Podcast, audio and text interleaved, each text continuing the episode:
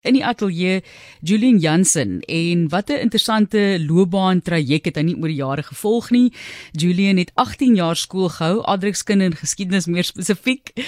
En sy laaste jaar 2005 was hy die departementshoof sosiale wetenskap by Hoërskool Rusthof in die Strand waar hy bly en toe het hy toevallig in journalistiek beland nadat hy die VGK gemeente Strand se kerkkoerantjie Strandkorrels in 2004 begin het. Kan jy dink jy het nou beweeg van 'n kerkkoerantjie tot van die ja, mees opspraakwekkende boeke in Suid-Afrika. Baie welkom Julian.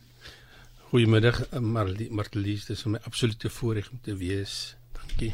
Fascinerend daai pad. Kan jy dink waar jy vandag is en waar jy was nou? Dit ek kan nie glo dit is eintlik al so lank terug nie, maar waar jy toe was in 2004 in ja, terme van skryf en journalistiek. Definitief, ek dink die Here het altyd maar hy hy he works in mysterious ways en ons soms verstaan ons nie wat gebeur nie. En ek dink dit het juist gebeur toe ek daai dag nie ek wou mos graag 'n skool word, het ek nie die pos gekry nie, was ek 'n bietjie vies gewees. En uh en toe bel Jakob Rooi vir my van 'n rapport en vra vir my wil ek nie by rapport kom werk nie. Ek het onmiddellik ja gesê en 2006 3 Januarie het ek begin by rapport. En soos jy gesê het, alles begin by 'n uh, kerkkoerantjie wat ek eendag gesien het rapport sê jy kan 'n leser kan 'n rubriek instuur. Hoe stuur ek dit in? Ja. Toe sê hulle dat weet hulle vir my Julian, dis 'n lekker rubriek. Skryf ons weer. Toe skryf ek toe weer oor 'n koei toe. 'n Plaas koei. Dis bel hom weer en sê Julian, wil jy nie elke maand vir ons skryf nie? Nou kry ons 'n R350 en jou fotootjie in die koerant is mos lekker om in die koerant te verskyn en die res is toe maar geskiedenis. R350. Yes. En eh, ja, mense besef nie hoeveel harde werk gaan in wel media maar dan spesifiek ook skryfwerk in nie.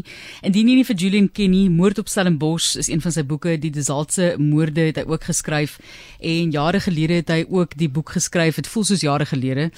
In 2 het hy die boek geskryf Seuns sonder paas wat ook 'n groot groot kwessie in Suid-Afrika natuurlik is. Julian, kom ons praat net gevinnig ek weet jy is nog steeds 'n joernalis en jy skryf hierdie boeke, maar dit voel vir my die afgelope tyd asof jy 'n sekere rigting ingeslaan het met jou journalistiek.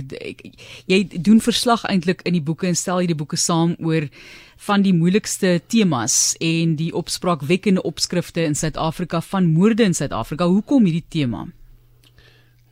Ek ek dink ek ek begin sien hoe my lewe begin het as onderwyser en dit is onlosmaaklik deel van enige onderwyser om eintlik impak te maak op op kinders veral seuns soos ek op my laaste skool ervaar het.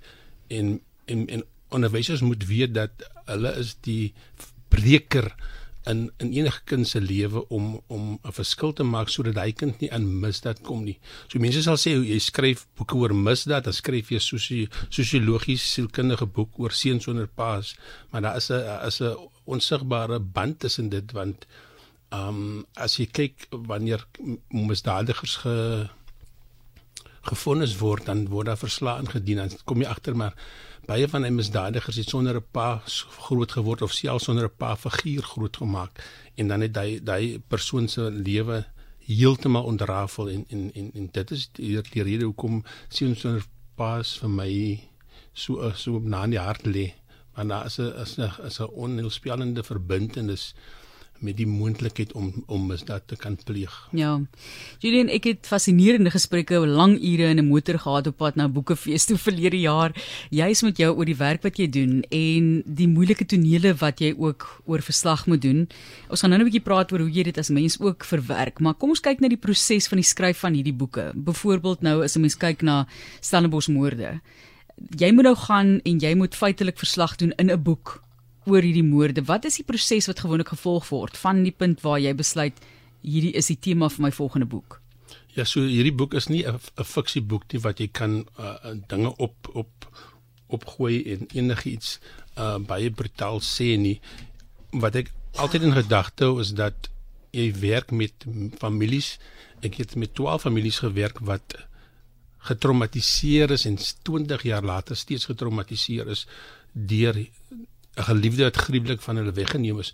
Sodat wanneer jy skryf daai ons daai die die bloed en derms uitgehaal en van 'n meer menslike oogpunt het ons dit geskryf. So die eerste ding wat dit belangrik was om 'n paie aansoek te doen, uh, die wet op uh, toegang tot inligting gits daai proses Martelies was maar lank. Ek het so 'n paar maande gewag. Ek het 'n jaar gehad om die boek te skryf. Ek kon net Sondag en Maandag skryf. So ek het 'n jaar gehad en ek het 'n paar maande gewag en ek het intussen toe die geraamte van die stories begin skryf. En toe ek die die, die toegang tot die dossier kry, het ek agtergekom, jessie, nie alles is in in baie van die dossiere nie of die dossiere inligting is nie daar nie. My plan B was gewees om toe ook na die hofrekords te gaan, na die hogeres hof te gaan en ook hofrekords daar te trek en selfs as 'n plan C na die transkrips transkripsie maatskappy wat hof uh, verrigtinge op skrif stel, het ek op hulle verslag gekry en met daardie verslag wat vir my baie baie dieper inligting gegee het, uh, inligting gegee wat nie voor in die koerante was nie, kon jy daai hofdossiere kry. So ek is baie dankbaar dat ek dit wel in die hande kon kry al was dit nie heeltemal altyd volledig nie.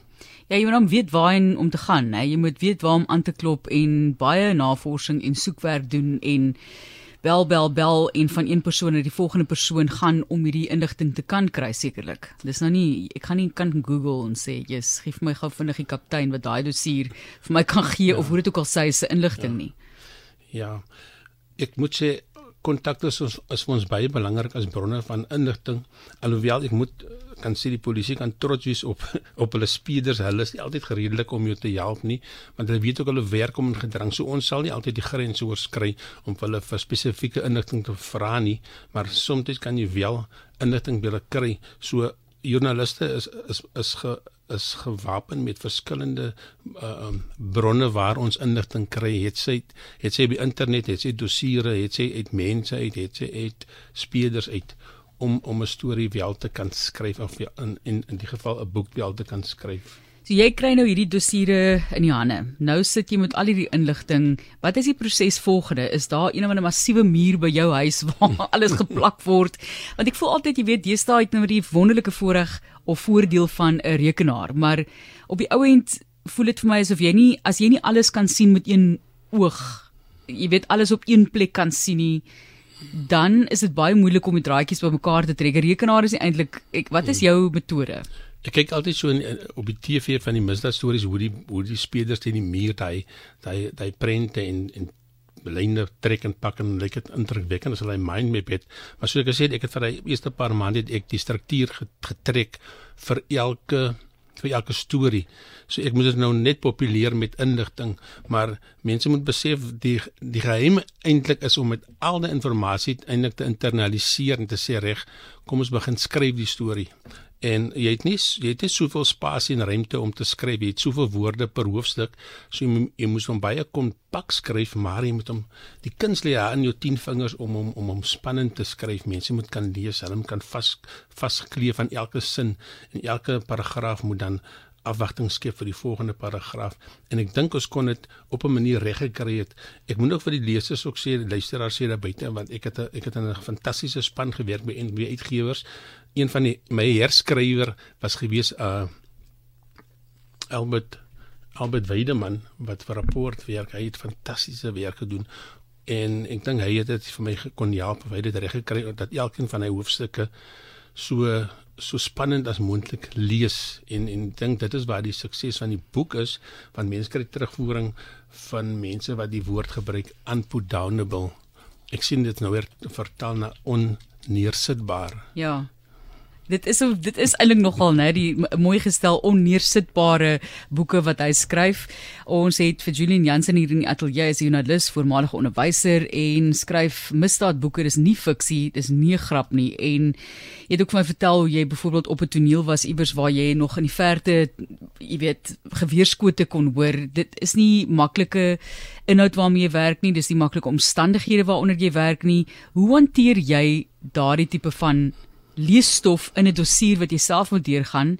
Jy sê jy versag dit natuurlik vir die leser, jy versag dit vir die families, maar jy moet nog deur al daai dinge gaan om seker te maak aan die ander kant jy plaas in die boek wat in die boek geplaas moet word of in die artikel. Hoe hoe hanteer jy dit? So, wel so, soms is, kan ek nogal bekommerd raak vir my familie, kollegas, vir myself ook want mense besef die publiek besef hulle lees die misdaad stories maar die die greeheid en die wreedheid daarvan en die impak op families dit dit uh, vryf af op ons en en dit gaan sit in die siege in. En as jy nie dit kan verwerk of uh, nie op tyds verwerk nie, gaan dit later um, um vermenigvuldig en kan dit op jou op op 'n tyd net onverwags tref. Ja. So ek is dankbaar vir ons maatskappy het 'n um 'n welstands um program waar ek moet sê ons hom so ja, ek het tweede jaar doen, maar ek was net bietjie weer skoon soos jy vat 'n motor vir 'n uh, vir 'n uh, vir 'n hersiening bietjie net bietjie gaan praat bietjie met 'n sielkundige of 'n berader word gediens? Net bietjie om om gediens te word ja. Dis Julian Jansen, die skrywer van onder meer dan nou ook die Desaltse moorde, moord op Stellenbosch meer onlangs en soos hy vroeër verwys het ook na Seun sonder paas. En net laasens Julian, wat dink jy en natuurlik moet jy joernalis byvoeg, ek fokus nou swaar op die boeke ook en so maar Wat dink jy is die rede vir ons fascinasie vir hierdie tipe van inhoud in terme van dokumentêre en lees daarvan en luister na die stories?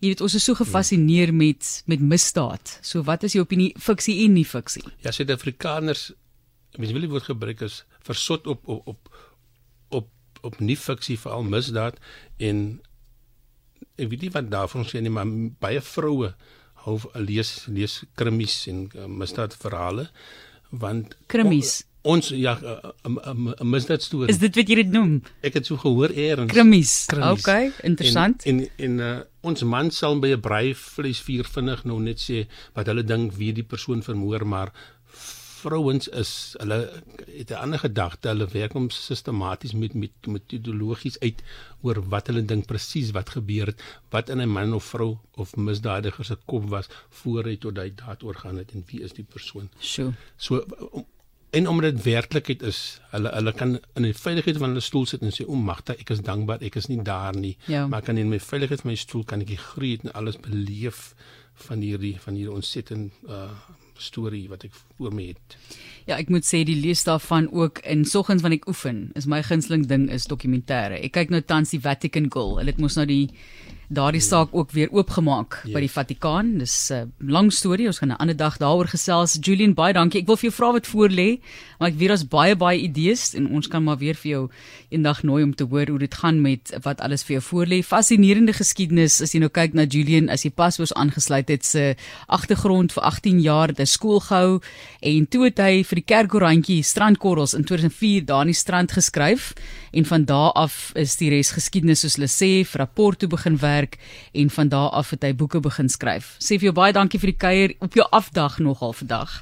Dankie dat jy jou afdag afstaan vir ons en sterkte weer eens. Dankie dat jy die stories aan ons gee en ook vir ons help sin maak van hierdie tipe van stories. Ons weet dit is nou maar grie stories en grie verhale wat ons oor gesels het hier op 360, maar dit is fascinerend. Dit is ook natuurlik belangrik soos jy sê om hierdie gesprekke te hê en soos wat jou vorige boeke ook aangewys het, die seuns sonder paas. Hoe hartseer is dit nie? Ons sê vir jou baie dankie Julian. Mooi bly. Dankie Martie. Veilig wees, né?